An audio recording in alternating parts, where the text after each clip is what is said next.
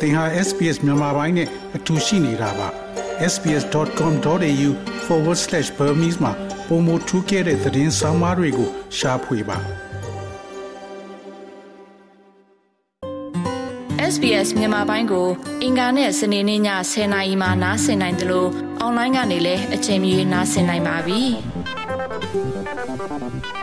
။ ဒေတာအသီးသီးကစစ်စင်ရေးတွေနဲ့အတူဇက်တိုက်ဆိုသလိုကြားလိုက်ရတာကစစ်ကောင်စီတပ်သားတွေအလင်းဝင်လာတဲ့သတင်းတွေပါရှမ်းပြည်နယ်မြောက်ပိုင်း10-20ကွန်စစ်စင်ရေးအတွင်မှာပဲစစ်ကောင်စီဘက်ကတပ်ရင်မှုအပါအဝင်အင်အား130နီးပါးပါတဲ့လောက်ကိုင်ကတစ်နှစ်ကိုတပ်ရင်တစ်ခုလုံးလက်နက်ချအလင်းဝင်ခဲ့တယ်လို့ကိုကတ်တက်မတော် MNDAA ကအောက်တိုဘာ12ရက်မှာထုတ်ပြန်ခဲ့ပါတယ်။ အောက်တိုဘာ30ရက်မှာလဲရှမ်းပြည်နယ်မြောက်ပိုင်းကွန်းလုံမြို့နယ်ကမိုင်းဒေသကအင်အား40ကျော်ပါတဲ့ခလာရ143တပ်ရင်တရလုံးလက်နက်ချပူးပေါင်းခဲ့တယ်လို့မြောက်ပိုင်းမဟာမိတ်အဖွဲ့ကထုတ်ပြန်ထားပါတယ်။ တဆန်20ခွန်စစ်စင်ရေးနဲ့အတူနိုင်ငံအနှံ့ပေါ်ပေါက်လာတဲ့စစ်စင်ရေးအတွင်းမှာပဲစစ်ကောင်စီဘက်ကအင်အားပြုံးတိမှု3000ကျော်ရှိနေပြီဖြစ်တယ်လို့ဂျာကာလာအမျိုးသားညီညွတ်ရေးအစိုးရ NUG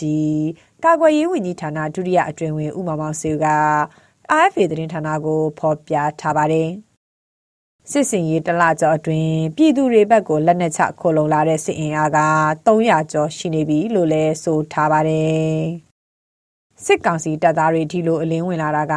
တော်လန်ရေးရဲ့အောင်မြင်မှုတစ်ခုဖြစ်တယ်လို့အာနာသိမ့်ပြီးနောက် CDM အစောဆုံးဝင်ထားတဲ့အရာရှိတူဖြစ်သူဗိုလ်ကြီးထက်မြက်ကဆိုပါတယ်။ဒီတရင်တရင်လုံးကိုဝင်တိုက်မယ်ဆိုရင်အဲ့တရင်တရင်လုံးကြာသွားဖို့အတွက်ကိုကျွန်တော်ဘက်ကဘယ်လောက်တွေအသက်ပေးရမယ်မှကျွန်တော်မသိဘူးပေါ့နော်ဒီငွေကြေးကကျွန်တော်ပုံမှန်တိုက်ပွဲစခန်းသိမ်းတိုက်ပွဲတစ်ခုမှတော့မှကျွန်တော်ကသိန်းကိုယာနဲ့ချီထောင်နဲ့ချီပြီးကုန်ကြတာဖြစ်တယ်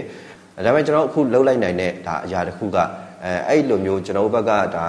တလိုင်းတက်ဖွဲ့အနေနဲ့ထိခိုက်မှုနည်းတယ်လုံးဝဘာမှကိုထိခိုက်မှုမရှိဘူးဗျပင်မဆင်းရဲမှုမရှိဘူးသွေးမြေမကြဘူးပေါ့နော်အဲ့တော့ကျွန်တော်တို့ဘက်ကလုံးဝတစ်ချက်ခုတ်တာနဲ့သုံးလေးချက်ပြတ်တာနဲ့အတူတူပဲပေါ့နော်ဒါပေမဲ့အကြမ်းဖက်စစ်တပ်ဘက်ကကြတော့ဒါကလုံးဝကိုသူတို့အတွက်ဘာမှမကြံတော့တဲ့တိတ်ခါပေါ့နော်ဘာလို့ဆိုတော့ဒီလိုမျိုးတရင်တရင်လုံးလက်နဲ့ချပြီးတော့ကျွန်တော်တို့ဒီဘက်ကိုပူပေါင်းသွားတာကိုသူခံလိုက်ရတဲ့ဟာပေါ့နော်အဲ့ဥစ္စာကသူတို့မှမရှိတဲ့တိတ်ခါဟိုးအောက်ဆုံးကြောက်သွားတယ်အတူတူပဲသူကအဲ့လိုဟာမျိုးကိုအကြောက်ဆုံးပဲပေါ့ 10-20ခွန်စစ်စီရေးတလကျော်မှာတော့စစ်ကောင်စီတပ်စခန်း150အထက်ကိုတိုင်းရင်းသားလက်နက်ကိုင်အဖွဲ့အစည်းတွေနဲ့ပြည်သူ့ကာကွယ်ရေး PDF ပူးပေါင်းတပ်တွေကတင်ပိုက်နိုင်ခဲ့တာပါစက္ကန့်သိန်းစစ်စင်ရေးတွေကြောင့်စစ်ကောင်စီတပ်သားတွေအနေနဲ့ရှေ့တန်းထွက်နိုင်ဖို့ကြိုးစားကရှေ့တန်းရောက်မှတက်ပြေးပြီးအလင်းဝင်ခိုလုံမှုတွေများလာတယ်လို့စစ်တပ် CDM အတိုင်းဝိုင်းကဆိုကြပါတယ် အာနာသိန်းနှစ်တွေကြာလာတာနဲ့အမျှ တိုင်းရင်းသားလက်နက်ကင်တွေ ကြီးဆိုတဲ့ ကရင် ကရင်နီ ချင်း ကချင်နဲ့ ရှမ်းအပါဝင် အညာဒေသတွေဖြစ်တဲ့ဇက်ကိုင်းတိုင်း မကွေးတိုင်းတွေကိုပါ နေ့စဉ်ရက်ဆက် ထိုးစစ်ဆင်နေတဲ့ အောက်ခြေစစ်သားတွေဟာ စိတ်ပိုင်းဆိုင်ရာ ပင်ပန်းခက်ခဲလာတယ်လို့ ဆိုကြပါတယ်။ 2022ခုနှစ်ဇူလိုင်လကုန်ပိုင်းကစီရီယမ်ဝင်ရောက်ခဲ့တဲ့ မော်လမြိုင်စစ်မြေပြင် အင်ဂျင်နီယာတပ်ရင်းရဲ့ ဒုတက်ချက်အောင်အောင်ကတော့ ရှေ့တန်းစစ်မြေပြင်မှာ စစ်သားတွေ ကြုံတွေ့ရတဲ့ အခြေအနေကို အခုလို ပြောပါတယ် ဒီစစ်တီတူကထန်ကုန်ပေါ့နော်တူတယောက်ကို ထန်ကုန်အလုံးလုံးရရင်နှစ်ခုလောက်ပဲ အခုဆိုရင် ဘာဖြစ်လဲဆိုတော့ လူတယောက်က စစ်တီတူက9ယောက်စာ6ယောက်စာလောက်ကို ပို့ပြီးအလုံးလုံးနေရတယ် ဆိုကြပါစို့ ကျွန်တော်ဆိုရင်ဘီးစစ်သား မိုင်းနဲ့ ပတ်သက်တော့ကျွန်တော်လုပ်ရတယ် အရင်တော့ဆိုလို့ရှိရင်ခံစစ်နဲ့တာစီလုံးမယ်ဆိုလို့ရှိရင်ကျွန်တော်ကတခြားကိုခံရတာအခုဆိုရင်မဟုတ်တော့မရတော့ကိုကိုယ်တိုင်ခံစစ်နဲ့တာစီလုံးဖို့အတွက်ကိုကိုကိုယ်တိုင်ဝါတော့ခုတ်ရတယ်အဲကိုကိုယ်တိုင်ပဲကျင်းတူးရတယ်ကိုယ်တိုင်ပဲညောင်းတောင်းရတယ်ကိုကိုယ်တိုင်ပဲညောင်းချော်ရတယ်တော့ဒါအစင်မပြေဘူးအခုဆိုရင်ကျွန်တော်ညီကိုတွေတငယ်ချင်းတွေရခိုင်မှာပိတ်မိကြောက်နေတယ်ပတ်ပတ်လေဝိုင်းထားတော့သူတို့မှရေတောင်ဆင်းမခတ်ရဲဘူးဘယ်ပြောမဲ့ဆိုသူတို့ရဲ့နားချိန်က24နာရီမှာ4နာရီလောက်ပဲရှိတော့ ဘီးစစ်သားတယောက်ဒါမှမဟုတ်ဘီးစစ်သားမှမဟုတ်ခြေလင်မှအဲခြေလင်လည်းမဟုတ်ဘူးစစ်တော်ကြီးမှစေးမှအဲ့ဒီအကုန်လုံးအကုန်လုံးကသူ့ဘဝလေမလဲပတ်နိုင်ဘူးအဲခြေလင်ဆိုလို့ရှိရင်လည်းကိုနေရာမှာလမ်းငင်းသွားယူလမ်းငင်းရပြန်လာရေခတ်ရေခတ်ပြီးပြန်လာထမင်းချက်အဲအဲ့လိုပဲပြီးထမင်းချက်ပြီးတာနဲ့ထမင်းဆိုရင်ကပဲကဒီစားစားပြီးတာနဲ့ကင်းပြန်ဆောင်ရတယ်အဲ့လိုပဲအဲ့လိုဖြစ်နေတော့လူတွေကဟိုစစ်တီတွေဒုက္ခတွေရအောင်တယ်တော်တော်များများလဲဟိုစိတ်သက်ကြဆင်းနေရောဒါကြီး စစ်ကောင်စီတပ်မှခြေလင်းတက်ရင်214ရင်ခြေမြန်တက်ရင်309ရင်ကမြေပြင်အင်အား6000ခွဲရှိပြီးလေတက်ရေတက်နဲ့လက်ယုံတက်အင်အားက2သိန်း4000နီးပါးလောက်ရှိတယ်လို့ NUG ကစက်တင်ဘာလ9ရက်မှာထုတ်ပြန်ခဲ့ပါတယ်။ NUG ရဲ့ຫນွေဦးတော်လိုက်ရေးနှစ်နှစ်ပြည့်အစီရင်ခံစာထဲမှာတော့စစ်ကောင်စီတပ်သား3000ကျော်ကို ချေမှုန်းနိုင်ခဲ့တယ်လို့လည်းဖော်ပြထားပါတယ်။ အာနာသိန်းကာလအတွင်းမှာစစ်သား3200ကျော် CDM နဲ့ပါဝင်ထားတယ်လို့လည်းပြည်သူ့ပန်းနိုင်အဖွဲ့ကနေသိရပါတယ်။မြေပြင်လက်နက်ကိုင်အဖွဲ့အစည်းတွေအနေနဲ့တော့ CDM အဖြစ်စည်ရင်းမဝင်သေးပေမဲ့မိသားစုလိုက်ထွက်ပြေးခိုလုံပြီးလွတ်မြောက်နေမြေတွေထဲရောက်ရှိနေတဲ့စစ်သားတွေလည်းရှိနေတယ်လို့ဆိုကြပါတယ်။တဆယ်20ခွန်စစ်စင်ရေးစတင်လာချိန်ကတည်းကစစ်ကောင်စီတပ်သားတွေဘက်ကနေ CDM ဝင်လာဖို့ ချိတ်ဆက်မေးမြန်းအကူအညီတောင်းတာတွေများလာတယ်လို့လည်း CDM အတောင်ဝိုင်းကနေသိရပါတယ်။အရင်ကတည်းကလက်နက်ချပြီးဗက်ပြောင်းခိုလုံသူအချို့အတွက်အန်ယူဂျီကတအူးကိုတလမြန်မာကျပ်ငွေ6000ထောက်ပံ့ပေးတာတွေရှိသလိုစစ်သားနဲ့ရဲတွေကိုအတိကထောက်ပံ့ပေးတဲ့ပြည်သူ့ဗန်တိုင်းပြည်သူ့ရင်ဝင်တွေစီကနေလည်းတလပတ်2000ထောက်ပံ့ကြေးရရှိကြပါတယ်။ လက်ရှိအခင်းကျင်းမှာတော့စစ်ကောင်စီတပ်သားတွေနဲ့မိသားစုဝင်တွေရဲ့ပြောင်းရွှေ့ခေါ်လုံမှုကိုစစ်ပတ်ဆိုင်ရာအကြီးအကဲတွေကအတင်းအကျပ်ဖိနှိပ်ထားတယ်လို့ပြည်သူစစ်သားဇနီးမယားအဖွဲ့ဝင်တွေစီကနေသိရပါတယ်။နေပြည်တော်လုံခြုံရေးတပ်ကတက်ကြက်တူရဲ့ဇနီးဖြစ်သူမတ်သက်ထားဆွေက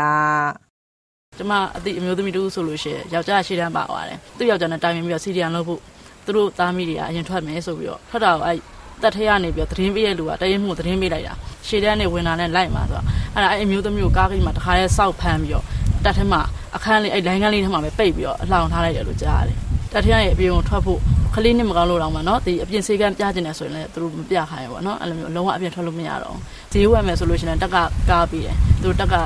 RB တွေဘာတွေသက်ဆိုင်ရာ RSI CSI အဲ့လိုအကြီးကဲတွေပါမှ အပြင်တက်ဈေးတောင်မှာပေါ့နော်အဲ့လိုမျိုးပေးထွက်တာအရင်လိုတစ်လားတစ်ခါတောင်မှဈေးကမပေးတော့ဘူးပေါ့နော်သူတို့ရဲ့အသက်အန္တရာယ်ကိုထိခိုက်မှာဆိုလို့ပေါ့နော်သူတို့ကအဲ့လိုမျိုးပြောထားပါပေါ့နော်နိုဝင်ဘာ17ရက်က17 17စစ်စီရင်အမိနဲ့ကရင်ပြည်နယ်မှာစတင်တိုက်ခိုက်ခဲ့ပြီး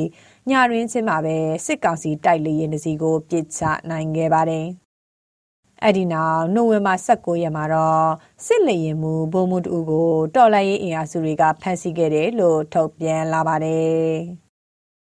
ရခိုင်ပြည်နယ်အတွင်းမှာလည်းစစ်စင်ရေးစတင်ပြီးနောက်ကြောက်တော်မြို့နယ်ကရဲစခန်းတစ်ခုလုံးရခိုင်တပ်တော် AAC လက်နက်ချခဲ့ပါတယ်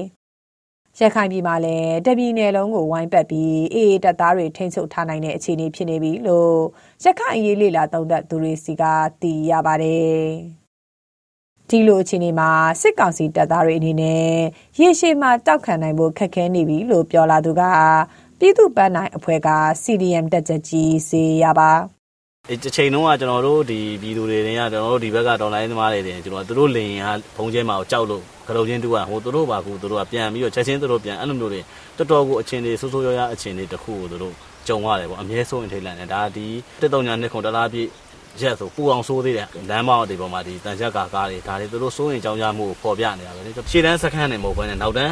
အထိုင်တက်တွေပေါ့နော်နောက်တန်းမှာကြံခဲ့တဲ့ဌာနချုပ်တွေတက်တွေပါကြာတာဖြစ်တဲ့အတွက်ပြန်ပြီးတော့တချို့ဆိုလို့ရှိရင်ကျွန်တော်တို့လက်ယုံတက်တွေမှာဆိုလို့ရှိရင်သူတို့ဘာတွေလောက်လာလဲဆိုသူတို့ပြန်ပြီးမုံမှန်စစ်တဲ့နန်းမျိုးတွေပေးတဲ့ဟာမျိုးတွေဒီဟိုမင်းတို့လက်နက်လက်နက်ငယ်ပြန်တက်ရမယ်စေးပြအဲ့လိုပြန်တက်ရမယ်ဆိုတော့ဟာမျိုးတွေပြန်လောက်တာပေါ့နော်နောက်ပြီးတော့ဒီအမျိုးသမီးတွေဆိုတော့ထပ်ပြီးတော့ဟိုတင်းတင်းကြပ်ကြပ်တွေလောက်တာပြီးတော့ နောက်ပိုင်းဒီသူတို့တက်ထဲမှာလည်းဒါအပြောများတဲ့ကိစ္စတစ်ခုဖြစ်လာတာပေါ့နော်ဒီအတန်ကြားရုံပဲရှိသေးတယ်သူတို့မိသားစုတွေကိုဘာလုပ်လဲဆိုတော့သူတို့တခြားညီမတက်တွေမှာပြန်ပြောင်းရွှေ့ထားတယ်ဟိုမလင်းလေတက်ဆိုလို့ရှိရင်သူ့ရဲ့ latest မိသားစုဝင်နေနဲ့လေရင်တွေအကုန်လုံးကိုဟိုမလင်းမျိုးအသိမ်းခံရလို့ရှိရင်ဒုက္ခရောက်မှာဆိုလို့မေးလာတက်တွေကိုပြန်ပို့တယ်အဲဒါဆိုလို့ရှိရင်ဒါအဲ့ကိစ္စနဲ့ပတ်သက်ပြီးတော့လေဒါလေတက်မှာဆိုလို့ရှိရင်လေတက်တစ်ခုလုံးမှာဒါခရက်ထားတာပေါ့နော်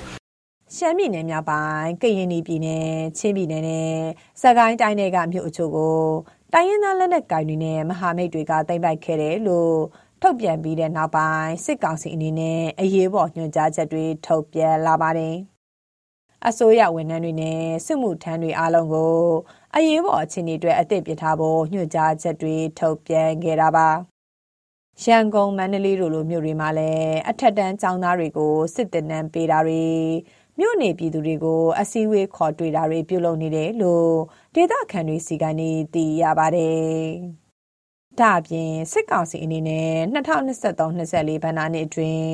ကာကွယ်ရေးအသုံးစရိတ်ကိုကျပ်ဘီလီယံ9600ကျော်အထိထပ်တိုးသုံးစွဲသွားမှာဖြစ်တယ်လို့လည်းတရားဝင်ထုတ်ပြန်ထားပါတယ်။ ဒီလိုအခြေအနေမျိုးမှာစစ်တပ်အတိုင်းဝိုင်းအတွင်းလူတစုအတွက်အသက်ပေးမတိုက်ပဲပြည်သူရင်ဝင်စီခိုးဝင်လာကြဖို့ပြည်သူတွေကမျှော်လင့်နေကြတာပါစစ်သားစနီးမယားတူဖြစ်သူမတ်ချွချွမြင့်ကလည်းစီရီယန်လောက်တာဒါညီမတို့တာမှန်သွားတာပေါ့နော်လောက်ဘူးဆိုလို့ရှိရင်တော့ညီမအခုချိန်ဆိုတော့မဟုတ်ဆိုမှဖြစ်နေပြီပေါ့တက်ထဲမှာညီမနေတော့ကဆိုလို့ရှိရင်တော်တော်ဒီအနှိမ်ခံဘွားနဲ့ပဲနေရတာပေါ့အချင်းချင်းဆိုပြီးညှတာတဲ့စိတ်မရှိဘူး သူတို့ကအပေါ်ဖိုင်းအောက်ဖိတာအောက်ဖိတော့ကိုရီးယားအဖိခံဘွားရပဲဆိုတော့လေမကောင်းတဲ့အတွက်ဘာလို့ကြုံခံနေမလဲကြုံမခံတဲ့လို့ရတဲ့နေရာကိုမိရကားနဲ့လိုက်ခဲ့မှာဘလို့ဘဝဒုက္ခရောက်နေပါစီတစ်ပင်အောင်မှာသားမီးတွေဖြတ်ခင်းပြီးအိတ်နေရပလေးစီဒီဘဝကိုကျင်းနေတယ်ညီမတို့ဆိုလို့ရှိရင်တော်တော်ခက်ခဲခဲ့ရဒါပေမဲ့စစ်တပ်ထဲမှာနေရတဲ့အခက်ခဲတဲ့စာအများကြီးတာအခုဆိုစစ်တပ်ထဲမှာနေနေညီမပတ်ဆက်လဲကြီးနေရပြီအခုဆိုလို့ရှိရင်ဒါစီဒီယန်လောက်ရတဲ့ချိန်မှာဒါညီမတို့ အတိတွေအများကြီးရှိလာအဲဘာပဲဖြစ်ဖြစ်ဆန်လေးပဲရစီလေးပဲညီမတို့မိသားစုတတိယညီမတို့မငတ်ဘူးအခုညီမတို့မိသားစုကအေးဆေးစားနေရတာသမီးတွေဆိုလဲကြောင်းထားနိုင်တယ်အဖွဲ့အစည်းတွေဆိုတော့ဒါအဖွဲ့တိုင်းဖွဲ့တိုင်းထောက်ပံ့တာပြည်သူအောင်ပွဲတစ်ခုအောင်မြင်ရေးအတွက်စစ်သားတွေရဲ့အလင်းဝင်ခိုလုံလာမှုကအရေးကြီးတယ်လို့ကြော်လန်ရေးအစုအဖွဲ့တွေကသုံးသပ်ကြပါတယ်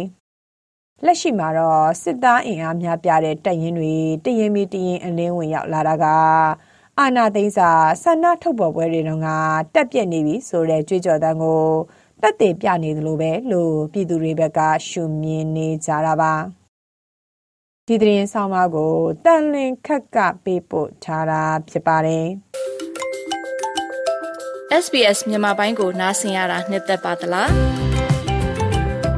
Facebook မှာဆွေးနွေးမှုတွေကိုဆက်ကြရအောင်ပါ SBS မြန်မာပိုင်း Facebook ကို Like လုပ်ပြီးတော့ သင်ချင်တဲ့ချက်ကိုမျှဝေနိုင်ပါတယ်။ SBS Bemis ကို Facebook မှာ Share ကြည့်နိုင်ပါတယ်ရှင်။